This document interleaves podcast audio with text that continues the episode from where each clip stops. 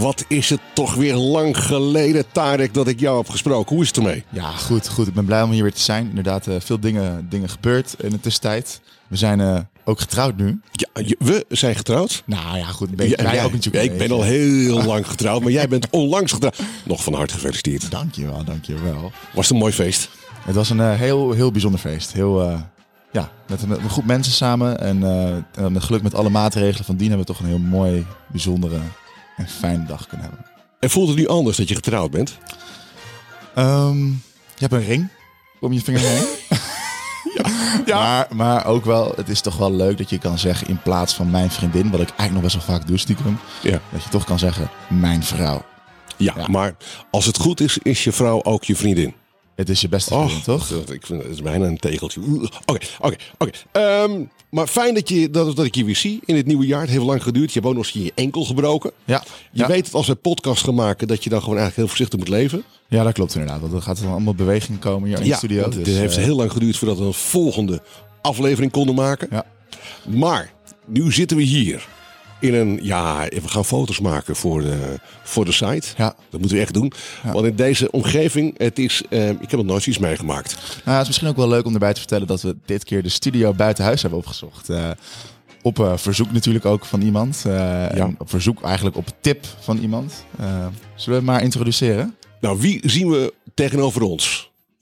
Ja, mannen, welkom in mijn werkplaats. Ik ben Diederik Kraaienveld. Ik ben kunstenaar. Ik maak mozaïeken van sloophout. Uh, en ik zit in, in Hilversum. Daar woon ik ook en daar is mijn werkplaats. En mijn werkplaats is, en daar zijn jullie nu, op een oud defensieterrein. Een mobilisatiecomplex. En dat is een, een complex uit de Koude Oorlog. Nou, die Koude Oorlog is, is voorbij, hoewel. Nu met de Russen zo bij Oekraïne komt die misschien weer op. En dan moet ik hier weer uit omdat hier weer materiaal en materieel gaat staan. Ik denk het zelf niet. Uh, hier stonden tank, nee, nee, geen tanks, maar wel uh, vrachtauto's en jeeps en uh, lag munitie en wapens. Maar het is nu leeg, althans het was leeg. En ik zit hier nu met een paar kunstenaarsvrienden en ik heet jullie zeer, zeer hartelijk welkom. Ja, prachtig. En we zitten hier met, met mooie romantische kaarsen om ons heen. Ehm, een hele mooie kast zie ik uh, links. En uh, lekkere heaters. Het is hier aangenaam warm. En we hebben net een rondleiding gehad in, in jouw atelier, in je werkplaats. En we hebben daar ook meteen al een paar mooie kunstwerken gezien. Ja, dank je, dank je, dank je. En een van die dingen die ik ehm, direct al zag, dat was een heel mooi kunstwerk van onze burgemeester. Ja, Pieter Broertjes gaat na tien jaar gaat, gaat hij weg als burgemeester. Dat is in februari. En uh, hij heeft zelf een aantal jaar geleden een burgemeestersgalerij geantameerd in, in het raadhuis. Er, er hingen overal hingen schilderijen van oude burgemeesters, maar daar heeft hij echt een, heeft het bij elkaar gehangen. En er is nog één plekje over in ieder geval. En dat is natuurlijk voor de burgemeester die weggaat. En dat is, dat is hij zelf.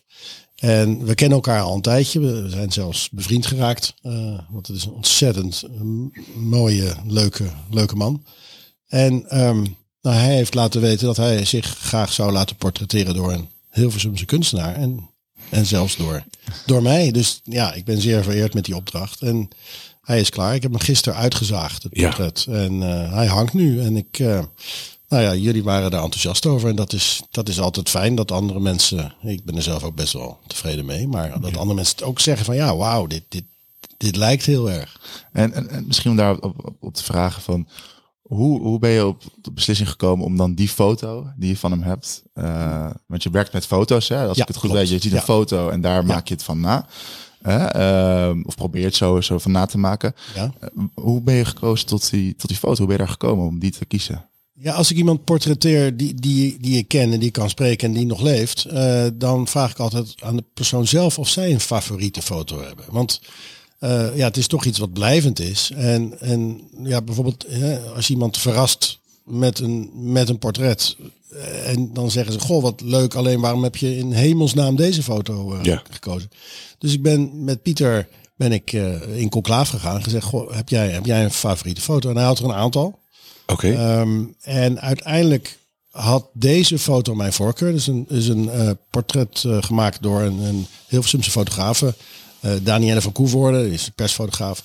Die had het in opdracht van de gemeente gemaakt. En ik vond hem op die foto ja, heel, krachtig, maar ook gevoelig. En ik zie Pieter ook zo. Dus ik zei, ja, deze heeft mijn voorkeur. En hij zei, nou ja, ik had wel een paar, maar als jij deze mooi vindt, dan heb je mijn zegen. Dus we hebben, ik heb het in overleg gedaan. Uh, en ik vind het een, uh, ik vind het een mooie foto van, van Pieter. En wanneer kreeg hij hem te zien? Want hij heeft hem nog niet gezien, hè? Zei, uh, nee, hij wil hem wel graag zien. Ja. maar 15 februari is het officiële afscheid en dan is de onthulling. Dus we mogen er nog geen foto van laten zien op de site? Nee, nee, doe dat nog maar. Nee, doen we niet. Maar wat ik nou bijzonder vind, en dat vind ik helemaal bijzonder aan jouw werk. Um, je, je geeft zo'n portret een ziel. En dat doe je door speciale stukjes hout erin te verwerken. Kan je een beetje vertellen, of wil je dat niet, of is het nog zeker, geheim? Zeker, nee, nee. Wat heb je in dit, wat heb je in dit portret allemaal gebruikt aan hout? Ja, ik, ik moet even weten, ik ben, ik ben historicus, ik heb geschiedenis gestudeerd, dus ik ben uh, geïnteresseerd in geschiedenis. En okay. ik ben journalist geweest. Um, dus ik ben ook ja, sowieso geïnteresseerd in verhalen achter, achter dingen en ook achter mensen. Uh, nou, en ik probeer als ik, als ik, zeker als ik een portret maak, probeer ik hout te gebruiken dat met het leven van die persoon te maken heeft. Nou, in het geval van Pieter uh, was het, uh, ja, waar ben je geboren? Waar woon je nu? Uh, wat zijn je geliefde plekjes? en ja, waar werk je? Nou, in het geval van Pieter wist ik, dat vertelde hij mij namelijk, dat hij in het, in het Benoorde Hout is geboren. Dat is een keurige Haagse, Haagse wijk. Nou, ik kom vaak in Den Haag, ik kom daar vandaan. Dus ik uh, wist precies waar het was. En uh, wel aardig om te vertellen, hij vertelde meteen, uh, Yvonne van Rooij, dat is een oud CDA-politica, die woont nu in dat huis. Ehm, dus ik ben eerste keer aan gaan bellen, maar ja, oud-politica zijn altijd heel, heel, heel druk. Dus die was, ze was niet thuis. toen heb ik wel wat plankjes van het huis daar tegenover meegenomen voor zekerheid. Want daar werd net verbouwd, dus had ik in ieder geval een plankje uit de straat.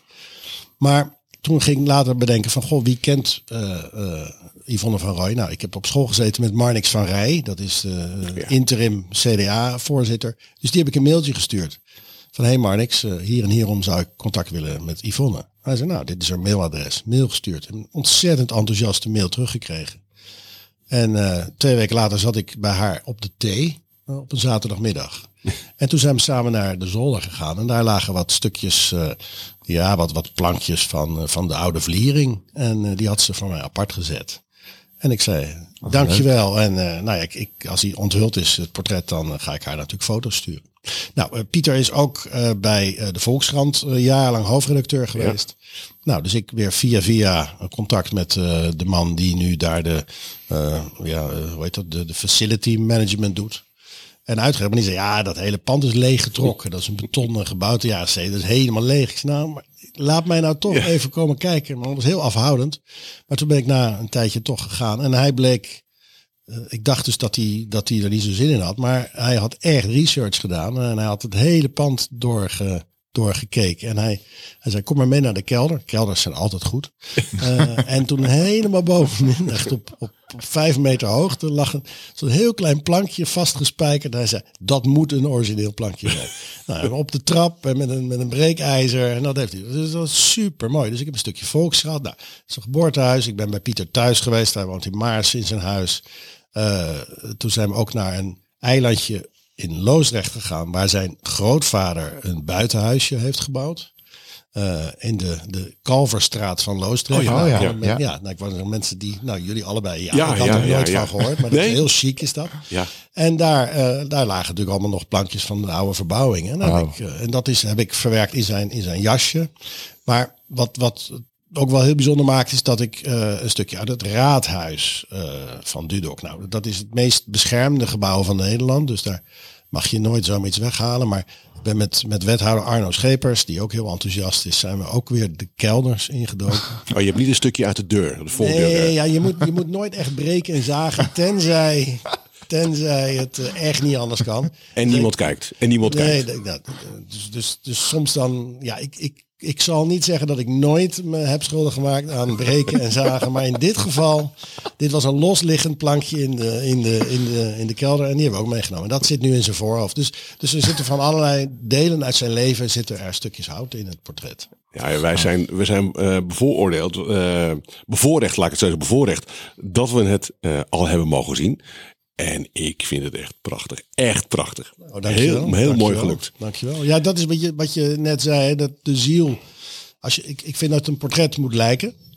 En als je de ziel weet te pakken, uh, en dat hoor je soms van, van de mensen zelf of van uh, naasten bij een onthulling. Ja, dat is het aller, allergrootste compliment.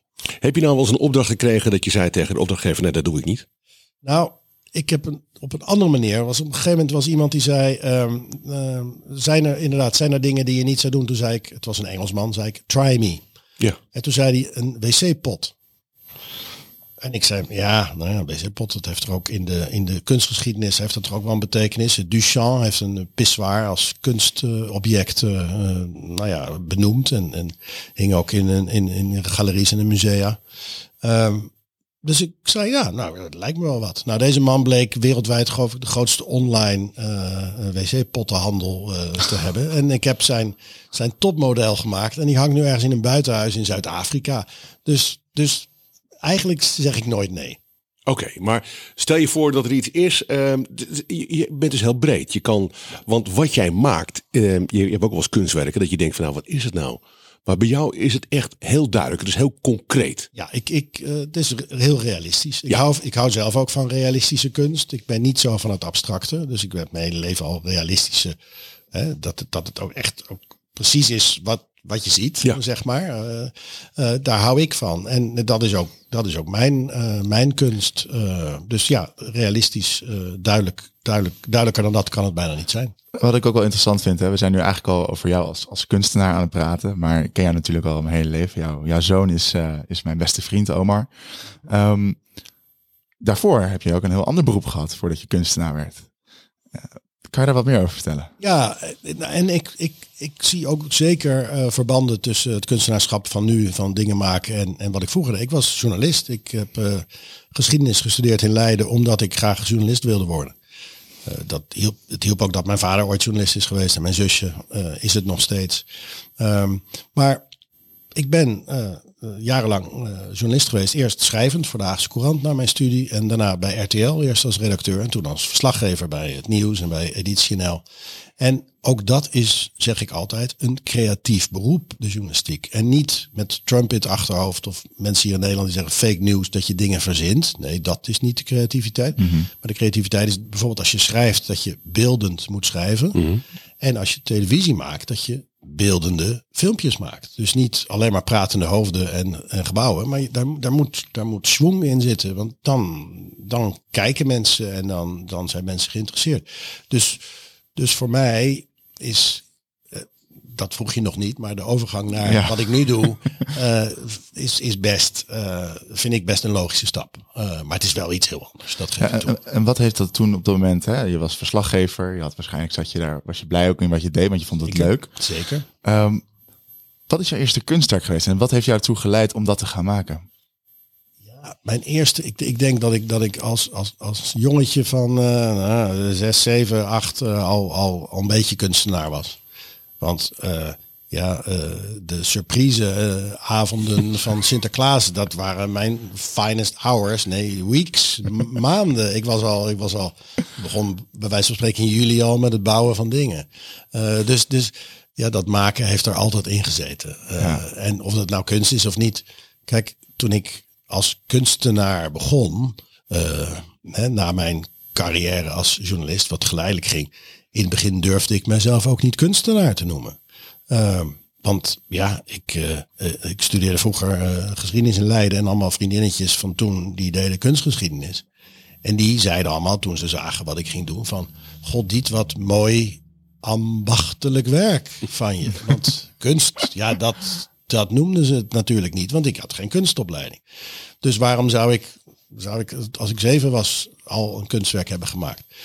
Wat voor mij wel kunst is, is dat als het uh, iemand raakt. En in het begin zei ik dan ook tegen mensen van, goh, wat doe je? Dan zeg ik, nou ja, ik maak objecten of ik maak realistische werk of uh, ja, zoiets. Dus ik zat een beetje met mail in de mond te praten. Van, ik zei niet dat ik kunstenaar was, maar op een gegeven moment was het zo dat ik bij de onthulling van werken, en dat was, dat was dan vooral bij portretten, dat ik zag dat mensen geraakt werden. Dat ze nou, soms ook wel eens een traantje wegpinkten. Toen dacht ik van nou, misschien ben ik dan toch een kunstenaar. Want kunst is toch, de definitie van kunst is dat iemand raakt. Op ja, wat voor manier ja. dan ook. Dus toen, nou, maar toen dacht ik ook van ja, dat is misschien niet helemaal eerlijk, want dan zit er heel veel emotie in zo'n portret. Hè? Dus van een geliefd iemand, misschien iemand die is overleden. Dus ja, dan, dan ben je wel geëmotioneerd. Maar ik denk nu, ruim tien jaar geleden, heb ik een keer een, een Duralex glas espresso gemaakt voor iemand.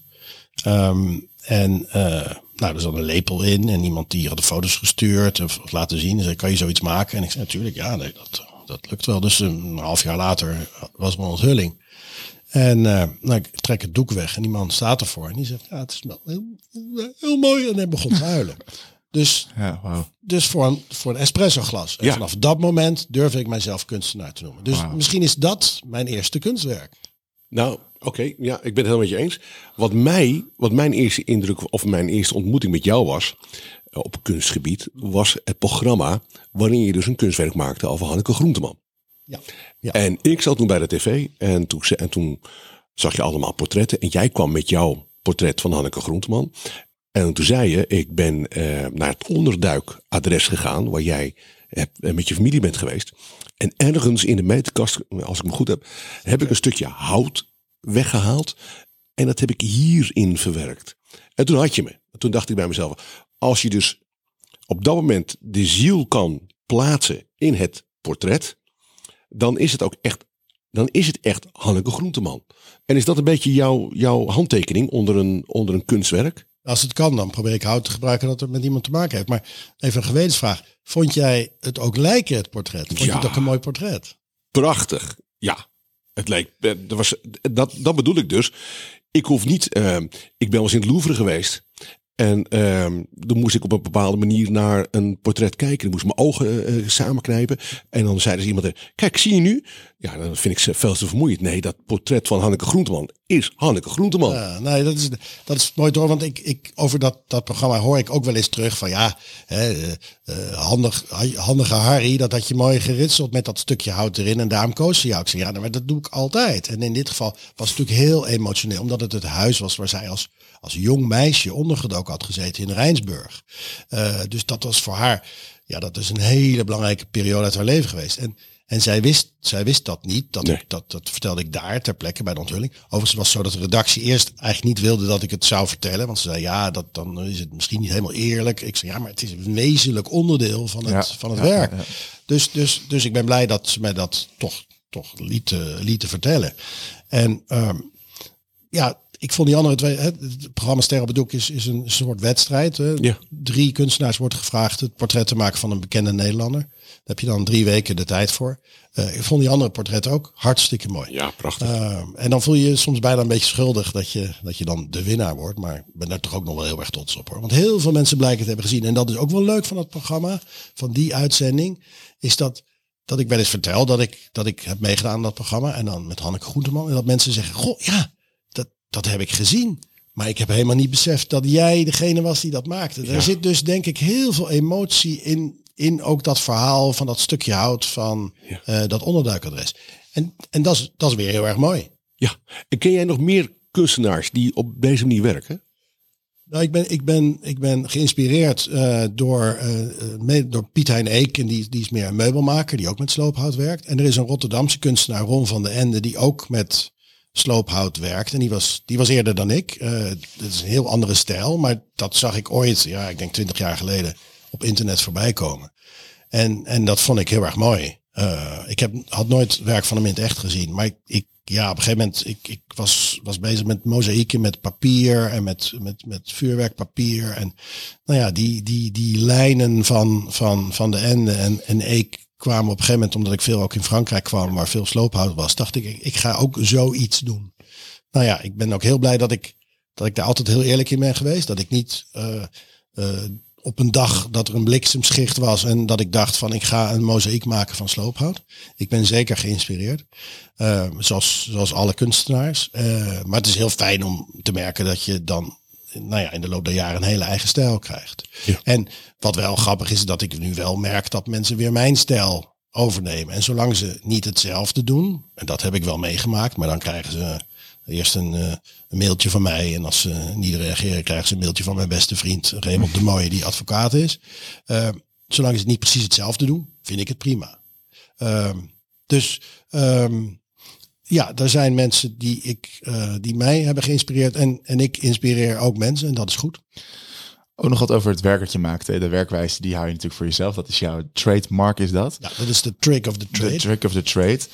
Um, ik ben natuurlijk ook al een paar keer door je magazijn heen gelopen. En dan zie ik al verschillende stukken hout. En verschillende kleuren ook op het hout staan. Heb je nooit een keer die verleiding gehad om, uh, om een keer een likje verf over, uh, over een uh, stukje te doen op je kunst? Ja, die, ver, die verleiding is er wel. Die verleiding is er wel. maar nou, je hebt door mijn werkplaats gelopen. Je, je ziet dat ik eigenlijk alle kleuren van de regenboog heb. En dan nog in eens een keer in alle tinten. Wat ik ook heb gemerkt is dat, ehm, dat het soms juist mooi is om juist een off-color te gebruiken. Net even, even anders. Dus uh, de verleiding is er soms, maar dan gebruik ik toch een kleur die er, die er het meest op lijkt. En ik moet wel toegeven, uh, ik gebruik wel verf voor de lichtjes in de ogen van de mm, mensen. Ja. Uh, dat deed ik in het begin niet, maar nu al een jaar of tien wel. En mijn vader van nu 96, die zei toen ooit van, Diet, dat mag toch niet, want je mag geen verf gebruiken. Ik zei, hey, hoe de bos? Wie, wie bepaalt? ja. Oh ja, oh ja. Het, het, maakt het gewoon, ja, voor mij, dat maakt het echt veel makkelijker. En dat, dat geef ik toe. Voor de lichtjes in de ogen gebruik ik uh, twee, twee dotjes verf. En, en die lichtjes in de ogen zijn gewoon van wezenlijk belang voor een portret. Mm, uh, ja. Dat is zo mooi om te zien. Ik maak altijd foto's van iedere stap. En dan maak ik eerst een foto van uh, een portret zonder die lichtjes in de ogen. En dan, dan doe ik die lichtjes. En dan, ja, dat is, nou ja, drie werelden van verschil. En krijgen die mensen dat ook te zien, zeg maar? Stel je voor, hè, wat, stel je voor ik wil een, eh, een schilderij bij jou, bij jou kopen, hè, of een kunstwerk bij jou halen. Um, hoe gaat dat in zijn werk? Hoe kan ik dat bij jou doen? Moet ik naar jou toe komen? Ben je dan, heb je een wachtlijst? Um, en wat zou je dan graag van mij willen weten? Kan je dat uitleggen aan de luisteraars, zodat zij ook weten hoe ze bij jou Zeker. terecht kunnen komen? Ja, nou ja, een beetje net zoals bij Pieter Boertjes. Ik, ik, uh, ik vraag, heb je een favoriete foto? Uh, want dat vind ik belangrijk. Nou, als je dat hebt, dan, dan, dan zie ik die graag en krijg ik die graag. Zo niet, dan, dan heb ik bevriende fotografen die uh, je kunnen portretteren. En dan zoek je samen met, met die fotograaf zoek je, je je favoriete foto uit. Nou, er is inderdaad een wachtlijst, gelukkig. ruim een half jaar ik zeg wel altijd, eh, in gevallen van nood, uh, kan altijd geschoven worden. Hè? Dan heb je het over een, een jubileum of, uh, of een verjaardag. Nou, ik, ik, moet binnenkort voor iemand die alles al heeft uh, en die zijn veertig vrienden heeft uitgenodigd voor een, voor een hele bijzondere trip van een aantal dagen naar het buitenland. Die, die vrienden willen graag iets geven aan die, die meneer. Nou, dat is al over twee maanden. Nou, voor die meneer wil ik wel, wel wat projectjes uh, schuiven. Want ik heb ook die, vier, die 40 vrienden uitgenodigd om een stukje hout uh, te leveren voor het kunstwerk dat ik ga maken. En uh, ja, dat zijn ook allemaal mannen die alles al hebben. En die laat ik graag mijn werkplaats zien. Dus die komen binnenkort langs om wat plankjes te geven. Dus nou, ehm, je vroeg hoe gaat het dan vervolgens in zijn werk? Ik laat niet de tussenstappen zien. Ik, ik, ik, ik ben pas tevreden met het resultaat als ik tevreden ben. En dan krijg je het pas te zien. Want ik heb ooit me wel eens laten verleiden door, door zo halverwege, zeker bij een portret, iets te laten zien. En dan, ja, dan weet je eigenlijk niet waar je naar kijkt. Want het is een rommeltje wat ik maak als het niet af is. Okay. Uh, dus je moet, je moet in één keer moet je, moet je het zien. En dat is, ja, dat is het moment uh, suprem. En ja, dat, uh, dat, dat kan je pas aan het einde zien. Want anders dan, dan ben je verward. Nou, ik snap ook wat je bedoelt. Ik heb natuurlijk ooit een keertje met Omer loop ik nog eens door, de, door, de, door het magazijn heen. En ik zie dan inderdaad het ongelofelijke detail wat je soms in dat werk moet brengen. En, en, en um, ja, ik ben altijd met, met het resultaat, het eindresultaat, ik ben altijd zo voor, voor verbaasd en ook ge, ja, geïntrigeerd, zeg maar. Omdat je toch op een of andere manier de diepte kan creëren.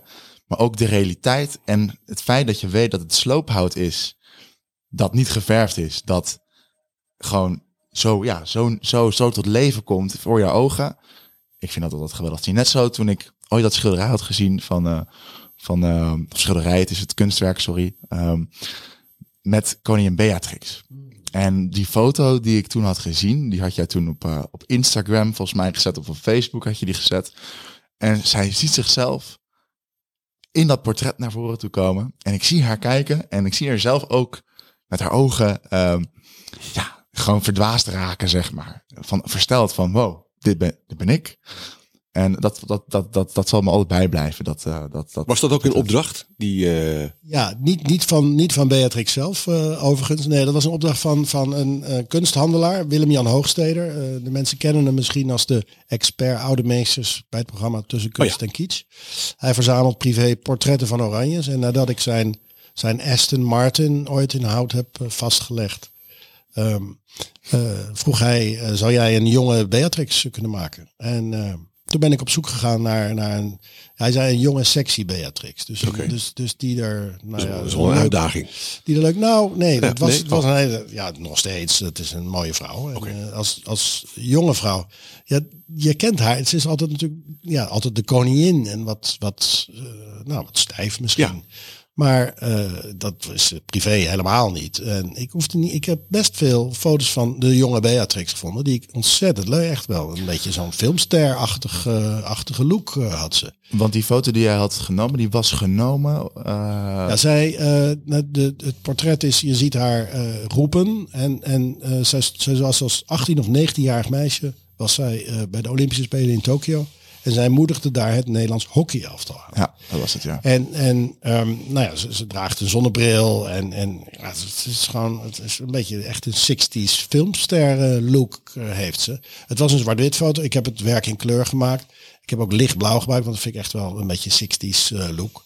Uh, of 60s kleur.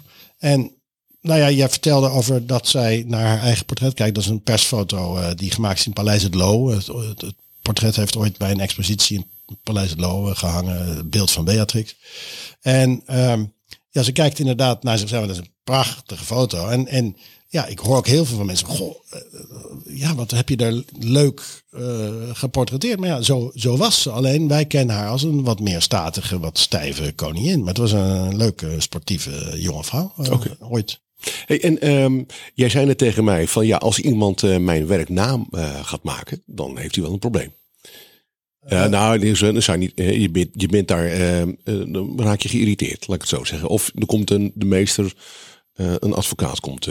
om ja, nou, ik heb in één geval iemand die die, die, die was al langer, stond die op mijn, uh, op mijn radar. En, en, en nou ja, zelf, mijn, het waren vooral mijn kinderen die zeiden, pap, daar moet je wat aan doen. Want hij ging precies dezelfde dingen maken. En nou ja, ik, ik werkte onder de naam Oudhout. Dat is de, ook mijn website, is Oudhout. En toen had hij zichzelf van Oudhout genoemd en dat, dat soort dingen. Ja, ja, ja. Nou, dus die heb ik eerst een mailtje gestuurd. En uh, toen uh, zei hij dat hij niet begreep waar ik het over had. En, en nou ja, toen heb ik ook samen met of zijn galerie, die, die, die, die begreep dan zogenaamd ook niet wat ik bedoelde. Ik zei, weet je, iedereen mag met hout, mag die, met sloophout mag die, mag die dingen maken. Maar gebruik niet mijn naam of een verbastering daarvan. En doe ook niet dezelfde dingen. Want die nee. maakt ook allemaal all-stars van die gimpies die ik heel veel maak. Ja. Dat is een beetje een soort karakteristiek werk uit mijn oeuvre. Uh, ja, dat moet je niet doen. Nee. Uh, en dat doet hij nu ook niet meer. En het, wat wel mooi is, is dat hij ook nu op zijn website uh, ook zegt dat hij mede geïnspireerd is door mij. Oké, okay, okay. wat ik eigenlijk wilde, je hebt heel Manhattan heb jij uh, nagemaakt. Ja. Heb je helemaal met kleine stukjes hout. Zeker. Zeer gedetailleerd. Maar is nog iemand anders geweest die het heeft gemaakt? Ja, dat, is, dat, dat klopt. Uh, en die benaderde mij. Die zei, mag ik zoiets doen? En ik zei, tuurlijk. En ik heb wel gezegd, ik ga jou niet vertellen hoe ik het heb gedaan. Dat moet je zelf verzinnen. Oké. Maar je mag langskomen en ik vind het. En hij zei: Ik ben echt door jou geïnspireerd. En um, dat vond ik, dat vond ik prima. En, en toen bij de onthulling, toen uh, de Haagse Courant, hij, het is een Haagse jongen. Ja. En um, nou, uh, ik, kom ook uit, ik kom ook uit Den Haag. Dus toen vond de, de AD Haagse Courant vond het leuk om ons samen te portretteren. Dus ik, ik ben van begin af aan ben ik, ben ik bij zijn bij zijn actie betrokken geweest. Zeg maar. Hij had het zien hangen bij Piet en Eek. Daar, daar had ik het uh, geëxposeerd. En hij, hij nam gewoon contact met mij op. En ik zei, ja, mijn zegen heb je. Alleen je moet er wel zelf uitzoeken. Dat, nou, dat heeft hij gedaan. Ja, want en, en, weet je nog wat je tegen hem zei? Ja. Nee, nee, dat weet ik niet meer. Hoe lang duurde het voordat je begon te smokkelen? Wat dan bedoel ik, jij bent volgens mij, want ik heb het gezien, je hebt zo'n oog voor detail. Dat hele Manhattan, dat heb je nagemaakt. Waar, waar hangt dat? Waar, waar is dat kunstwerk momenteel? Uh, de, dit is mijn, dat was mijn tweede Manhattan ooit. Ik heb eerst een kleinere gemaakt. Die hangt in, bij iemand in. Uh, Maar deze die zit nog in opslag. ik, ik wil er een hoge prijs voor hebben. Ik ben wel voor corona met mensen in gesprek geweest die interesse hadden, maar nou, toen zijn we er niet uitgekomen. Nou, nu is het wat lastiger, want ik wil eigenlijk wel dat hij richting, uh, richting Manhattan uh, gaat. Ja. Ik had toevalligerwijs hier onlangs een architect, een Nederlandse architect, die betrokken is bij de bouw van een aantal uh, gevangenissen rond Manhattan. En die wist ook van deze Manhattan af. En die zei, nou ja, wellicht is het wel mooi om een van die gebouwen jouw kunstwerk te hangen. Dus, dus ik, ik ben er wel mee bezig op de achtergrond. ik wil het echt tegen een goede prijs verkopen, want ik ben er een half jaar mee bezig geweest. Uh, ik heb het gemaakt omdat ik het gewoon moest maken. Dat, dat van die dingen die je, je, je soms moet je, moet je het doen. Uh, wel aardig om te vertellen. Misschien is dat, dat het gemaakt is van, van watertorenhout uit Manhattan. Dus ik heb ik heb ooit, ooit uh, was ik daar op bezoek en toen hoorde ik dat die watertorens die iedereen wel voor zijn ogen heeft, waarschijnlijk. Ja. Nou, ik dacht dat ze van metaal waren gemaakt, maar ze blijken van hout. en nog steeds ook, nog steeds ook van hout. Dus als ze nog steeds van hout worden gemaakt, worden ze ook gesloopt. Nou, toen ben ik in contact gekomen met een groot bedrijf dat ze bouwt en sloopt. En die gunden mij uiteindelijk, ik heb er twee jaar over gedaan, uh, bellen, mailen, langsgaan. Uh, en na twee jaar heb ik uiteindelijk een een zeecontainer met 1281 balken cederhout van oude watertorens gekregen. Nou, wat moet je met dat hout? Nou, natuurlijk een Manhattan maken. Dus dat, ja, dat, dat moest ik doen. En ik ga dan ook niet denken van, oh, ga ik dat wel verkopen? Dat, dat, dat, Dan neem je de tijd voor, zeg maar. Ja, ja. dat, moet op een goede plek terechtkomen. Dat moet op een goede, goede plek terechtkomen. Ja. En, en uh, dat gaat ooit nog wel gebeuren. En zo niet, dan blijft hij gewoon nog even in opslag. En is het dan echt helemaal dat je bijvoorbeeld de Empire State Building echt op schaal hebt nagemaakt ten opzichte van de andere gebouwen? Nee, ik zeg wel van dit werk, hè, ik, ik maak heel realistisch werk. Uh, in dit geval is het het meest abstracte werk eigenlijk dat ik heb gemaakt. Met andere woorden, ik, ik heb het niet precies allemaal nagemeten. En de, de iconische gebouwen zoals wat jij noemde Empire State Building en, en Madison Square Garden. En die, die, die heb ik wel goed nagebouwd. Maar verder heb ik niet ieder gebouw exact uh, qua hoogte. Uh, sterker nog, ik heb er een beetje mee gesmokkeld. In zoverre dat ik niet de huizen allemaal afzonderlijk of de flats, maar ook blokken heb gemaakt. Ja, ja. Nou, en ik, ik, ik zeg abstract, ik heb gewoon gebruik gemaakt van de, de, de grid, dus de plattegrond van de stad. En uh, wat heel fijn is, is Google Earth met de 3D. Dus ik kreeg ieder blok ging ik inzoomen en dan kan je helemaal ronddraaien. Nou, en dan per blok ging ik zagen. En dat is, uh, ja, dan ben je per dag kan je tien blokken doen of zo. Ik, ik, ik hou het ook nooit bij hoor, hoe lang ik met iets bezig ben. Dat, dat, ook met een portret niet. Dat mensen vragen, hoe lang, hoe lang heb je erover gedaan? Ja, week, twee weken, ik, ik, ik weet het niet precies. Want anders dan gaan mensen ook of, of, ga ik zelf ook denken van, goh, hoeveel krijg je dan per uur betaald? Maar ja, precies. Dat, dat, zo moet je daar niet naar kijken. Je moet gewoon doen en als het klaar is, is het klaar. Want je hoeft geen prijs te noemen natuurlijk, maar hoe, hoe bouwt dat zich op? Is dat in de grootte? Is dat in het werk? Is het waar het hout vandaan komt? Is dat, is dat, zijn, dat, zijn dat een combinatie van de, van de, de onderdelen samen? Nee, nee het is, kijk, mijn favoriete maat is ongeveer 1,30 meter. Uh, dat is een favoriete maat is zo ontstaan. Dat is ja, dat past in de auto als ik het moet wegbrengen. Uh, het is niet te klein en niet te groot. En het is gewoon lekker. En, en zeker bij portretten uh, moet je niet te klein werken. Want, want hoe kleiner, hoe, hoe meer details je verliest. Want, want ja, voor mij bestaat een, bijvoorbeeld een portret uit een vast aantal stukjes. Nou, als dat 1,30 meter is, dan, ja, dan is dat nog wel goed te doen met mijn figuurzaag. Maar als dat 50 centimeter wordt, dan kan je die details niet kwijt. Dus, dus 1,30 meter is gewoon een fijne maat. Uh, ik maak ook wel eens kleiner werk, maar dat is dan vaak seriewerk. Ik doe ook wel die All-Stars uh, op 50 centimeter en ijsjes op 50 centimeter. En dan een hele muur met 20 ijsjes of 20 All-Stars. Ja, dat, dat ziet er tof uit. Uh, groter doe ik overigens ook wel eens. En, en ik heb onlangs, vorig jaar, mijn grootste werk ooit gemaakt. Um, groter dan Manhattan? Groter dan Manhattan was 3,5 meter lang. Maar ik heb vorig jaar heb ik een vliegende mus gemaakt. En die is 6 meter 20 hoog en 5 meter 30 breed. En uh, ja, dat ontstond uh, dat idee door een vraag van iemand die in Hilversum veel uh, initiatieven ontplooit om, om, om gebouwen mooier te maken. Nou, daar vraagt hij vaak street artists die, die met verf, nou ja, grote, grote muurschilderingen maken. Maar hij zei, Diet, zou jij zoiets ook met hout kunnen? Nou ja, de vraag eh, stellen is, uh, is een beantwoorden. Natuurlijk, want ik zeg nooit nee. Dus uh, ja, wat, wat, uh, wat, wat hang je aan een, aan een gebouw? Ik vind een vliegende vogel mooi. En uh, nou, het werd een mus, omdat ja, uit praktische overwegingen een beetje. een mus bestaat uit aardse, of heeft aardse kleuren. een flamingo is roze en ja. een koolmees die is, heeft een geel borstje en een rood borstje. Een rood borstje. Maar ik wilde ook deze mus van puur Hilversums hout maken. En ehm, wat vind je vooral in containers en in slooppanden? Kleuren, eh, aardse kleuren. De, de grijstinten, de, de, de bruintinten, de geeltinten. Nou, dat is een mus. Dus daarom dacht ik, het wordt een mus, want dan kan ik ook echt daadwerkelijk heel veel hout gebruiken. En die haal je bij Van Loenen? Vroeger haalde ik die bij Van Loenen.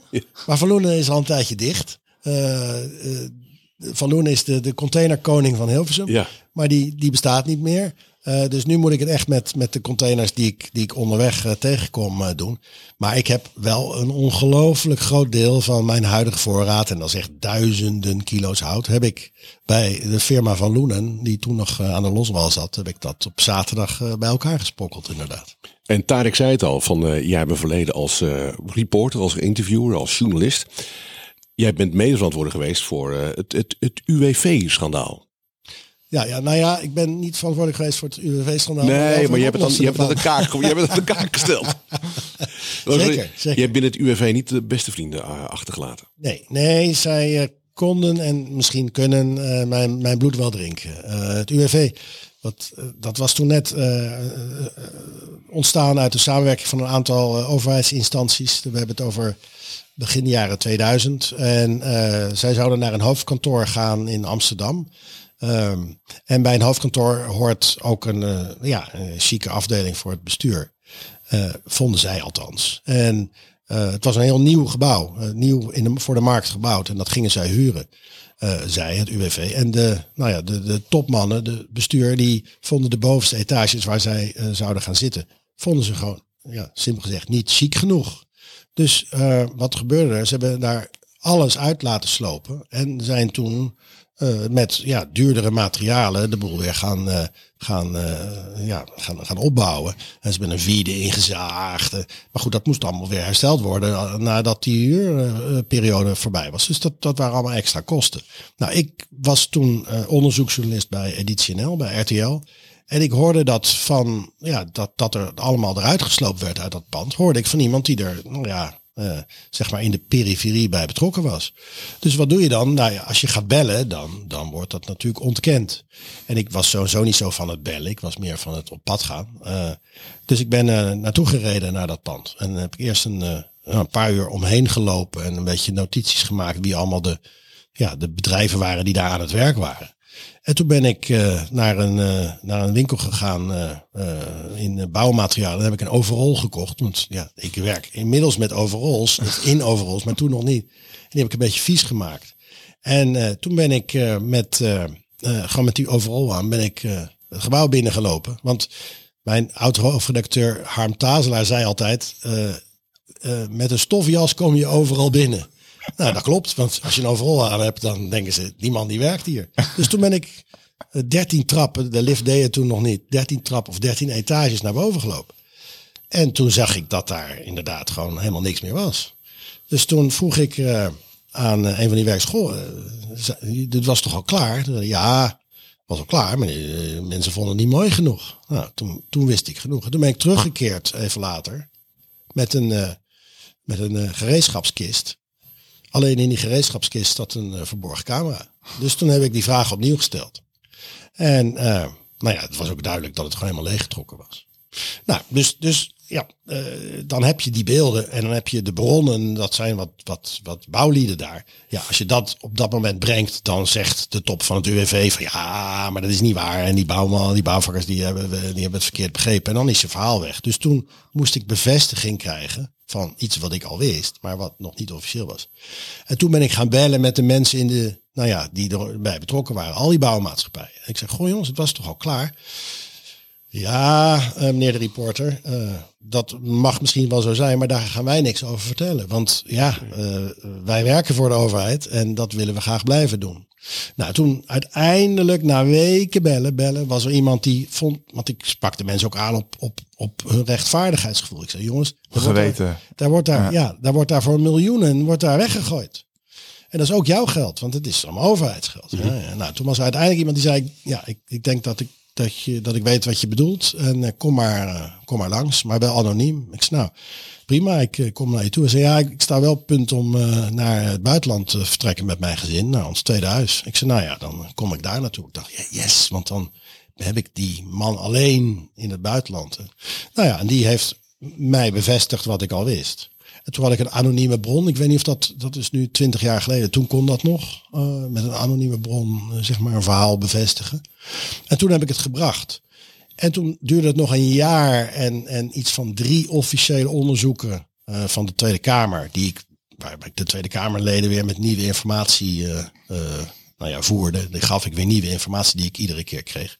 Maar het heeft uiteindelijk drie onderzoeken geduurd voordat officieel bevestigd werd wat ik een jaar daarvoor een keer had gebracht.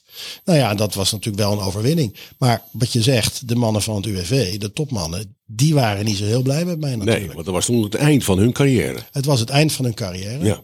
Eh, ja, en ik denk wel terecht, want zij ontkenden ook alles. Als ze nou in het begin hadden gezegd, ja, het klopt, maar wij willen er gewoon ook een betere werkplek. En eh, eh, hè, wij- doen zaken met, met grote banken en wij vinden dat wij ook dat soort statuur moeten hebben. En ook, ja, nou, als ze daar eerlijk in waren geweest, dan was het. Maar ze gingen meteen ontkennen en ze hebben echt gegoocheld met cijfers. Alleen wat zij niet wisten, is dat ik inmiddels ook zoveel bronnen had ook omdat mensen ook hun rechtvaardigheidsgevoel werd geknakt. Want eh, ja, dat, dat, dat, er werd echt voor miljoenen weggegooid. En, en terwijl er wel werd bezuinigd op de, op de uitkeringen die het UWV Ja. moest regelen. Ehm, en daar sprak ik de mensen ook op aan. Dus ik kreeg van binnenuit zoveel informatie. Dat we- als zij weer met een of ander, ja, excusele lul verhaal kwamen over, over eh, dat het allemaal niet waar was. Dan, dan had ik weer nieuwe feiten. En daar sloegen we ze mee om de oren.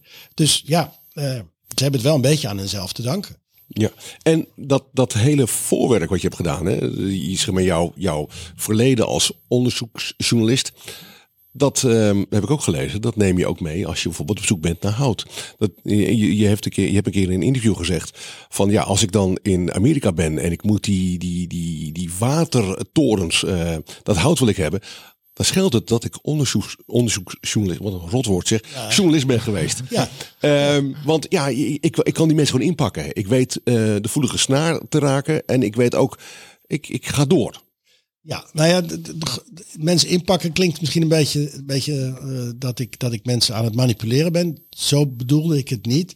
Ik, ik, ik bedoel meer te zeggen dat ik, dat ik doorga en ik kan mensen ook makkelijk uitleggen waarom ik iets nodig heb. Hè, bijvoorbeeld in het geval van die, van die watertorens. eh, nou, het duurde vrij lang voordat ik de juiste meneer te pakken had die over, over het loophout ging. Eh, maar ik denk dat ik door mijn, door mijn skills als journalist ook beeldend kan vertellen waarom ik zo graag dat hout wil. Ja. En, en ik kon die man met mijn enthousiasme ook enthousiast maken. Kijk, over het algemeen, als ik vraag aan iemand, eh, mag ik wat plankjes uit jouw voorraad? Of ja, de eerste rea- reactie van mensen is meestal van ja, gedoe en hoezo en dat is toch afval en, Ja. en wat moet je daarmee? Nou, als, als ik niet doorzet met wat enthousiaste beeldende verhalen, dan, dan stopt het daarmee. Dus, dus, dus die skills ehm, van de journalistiek, door mensen, hè, de, de men- de mensen te overtuigen van het belang van hun verhaal en ehm, eh, dat ze mee moeten werken, die skills, die gebruik ik nog steeds. En Ja. dat is vooral door enthousiast te zijn over, over wat je doel is. Ja, ik vind het, ik vind het allemaal prachtig. Heb je nou nog een, een, een, een, een, een wens, iets wat je nog heel graag zou willen maken? Ja, er- er, er zijn eigenlijk een paar dingen die ik, die ik graag wil. Ehm, eh, nou, we noemden net al even de Verenigde Staten. Ik, ik kom daar heel graag. Eh, ik heb daar een tijdje gestudeerd en, en ik, ik, ja, ik vind het een machtig land om te zijn. Eh, mensen zeggen ja, met Trump. En ja, met Trump, ja, dat was wat minder. Maar Amerika is niet alleen Trump. Ik vind de can-do mentaliteit van Amerika fantastisch. En dat is ook zeker iemand die hout ergens vandaan wil halen. Ja, dat, dat zien zij ook. Hè? Dat, ik, dat ik dat. En die zeggen dat gaan we regelen. Nou, mijn ultieme werk. Ik heb het een keer een kleinere Amerika, dus een Verenigde Staten gemaakt. eh, met hout uit al die verschillende staten. Dus eh, ik maakte de staat Washington met een stukje hout uit Washington. Uit de staat Washington. En, en nou, voor al die, al die 52 staten gold dat. Ehm, niet de hele staat, maar gewoon een, een fragmentje. Nou, ik ben niet naar al die staten gegaan. Wat ik heb gedaan, ik, een aantal staten was ik in die periode dat ik daarmee bezig was. Dus heb ik hout meegenomen. Maar ik heb vrienden benaderd. Ik heb kennissen benaderd. Ik heb oproepen gedaan op social media. Nou, uiteindelijk heb ik al die stukjes wel weten te, te bemachtigen. Nou, dat is een, een Verenigde Staten van 1,50 meter eh, breed geworden. Wat mijn ultieme droom is, is om een hele grote Verenigde Staten te maken. Van 10 meter breed. En dan zelf naar al die staten toe te gaan. Om uit al die staten een stukje hout te halen. En dan komt weer de combinatie met mijn journalistiek. Dan zou ik of zelf gaan of met een vriend die daar een documentaire over maakt. Nou, gaaf idee. En, en, en waar moet hij dan uiteindelijk gaan hangen?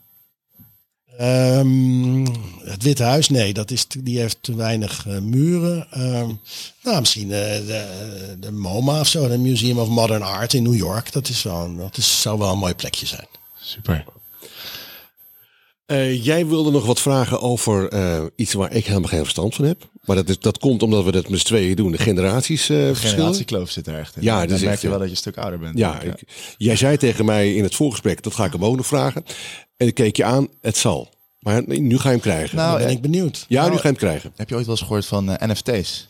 Daar heb ik over gehoord. En uh, jouw beste vriend, mijn zoon Omar, die uh, vindt ook dat ik uh, een NFT moet maken. En ik, ik moet zeggen, wat ik tot nu toe voorbij zien komen, zie komen, um, ja, ik, ik, ik vind een beetje kinderachtige beeldjes. En ja, mijn, mijn, mijn medium met hout is ook zo niet zich, leent zich zo niet voor iets digitaals.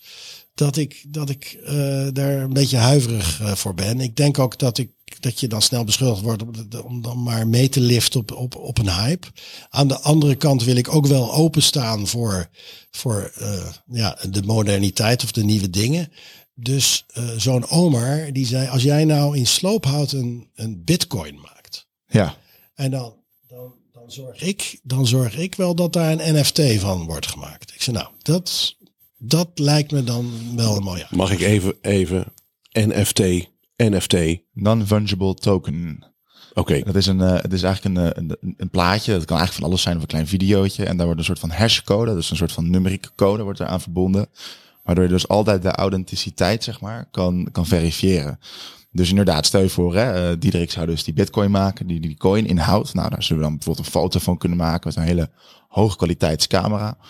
En daar voegen we dus die code aan toe aan dat plaatje. Nou, en als dat aan het plaatje zit, dan is dat het origineel. Dus er kunnen kopieën van gemaakt worden, of er kunnen screenshots van worden gemaakt, maar het zal nooit het origineel zijn. Dat is alleen dat plaatje. Nou, dat plaatje waar die code in zit, uh, dat wordt geverifieerd door een heel netwerk. Dus dat, dan kan je altijd herkennen, dit is het echte plaatje.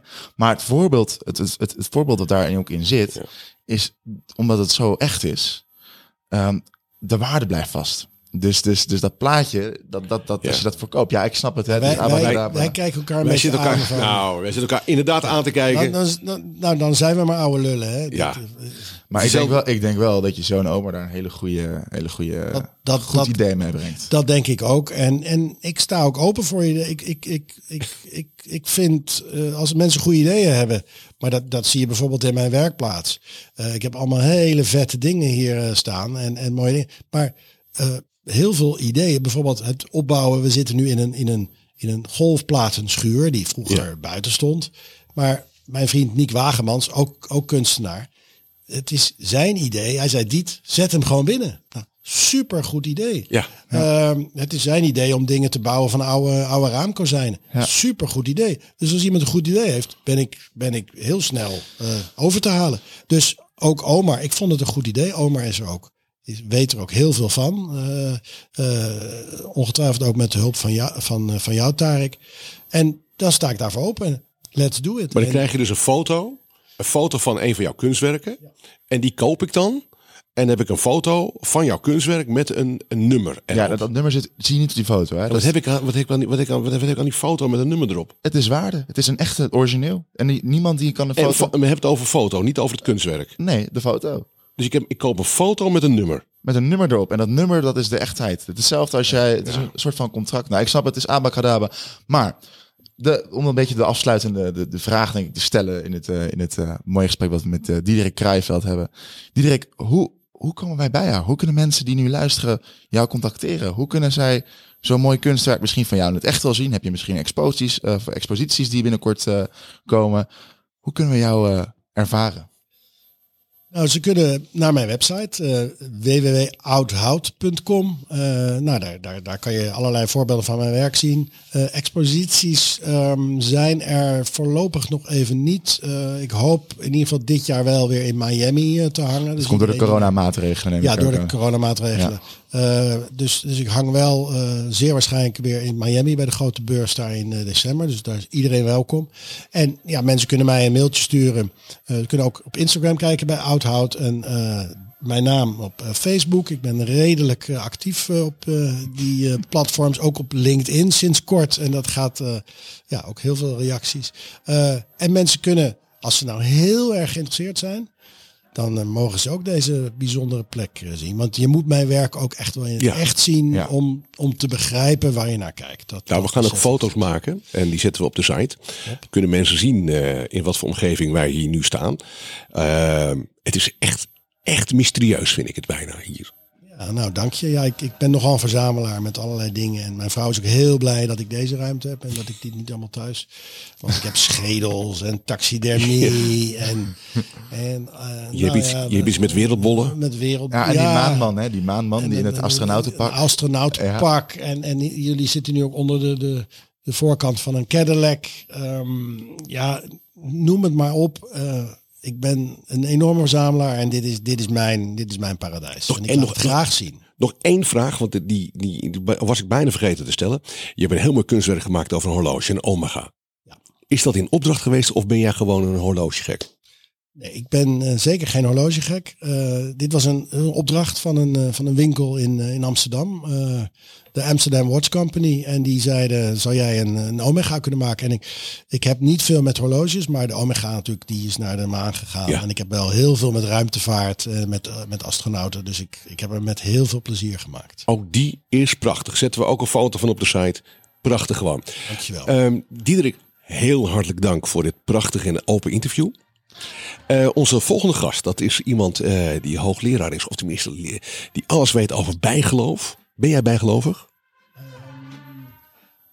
ja, ik, ik, ik, ik ben niet bijgelovig, maar ik zie soms wel dat er heel erg toevallige dingen gebeuren. En dan kan je bijna niet denken van dit is, dit is toeval. Zo, dus in zoverre ben ik misschien wel een beetje bij. Maar je gaat nooit uh, op mm, de dertiende iets doen of zo, uh, gezagen?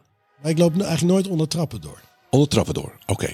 Okay. Um, dan hebben we ook nog iemand die alles weet over diëten. Uh, die stelt dat als jij een ei eet dat het gelijk staat aan het roken van twee sigaretten. Um, um, dus we gaan uh, met hem praten over uh, hoe je kan afvallen.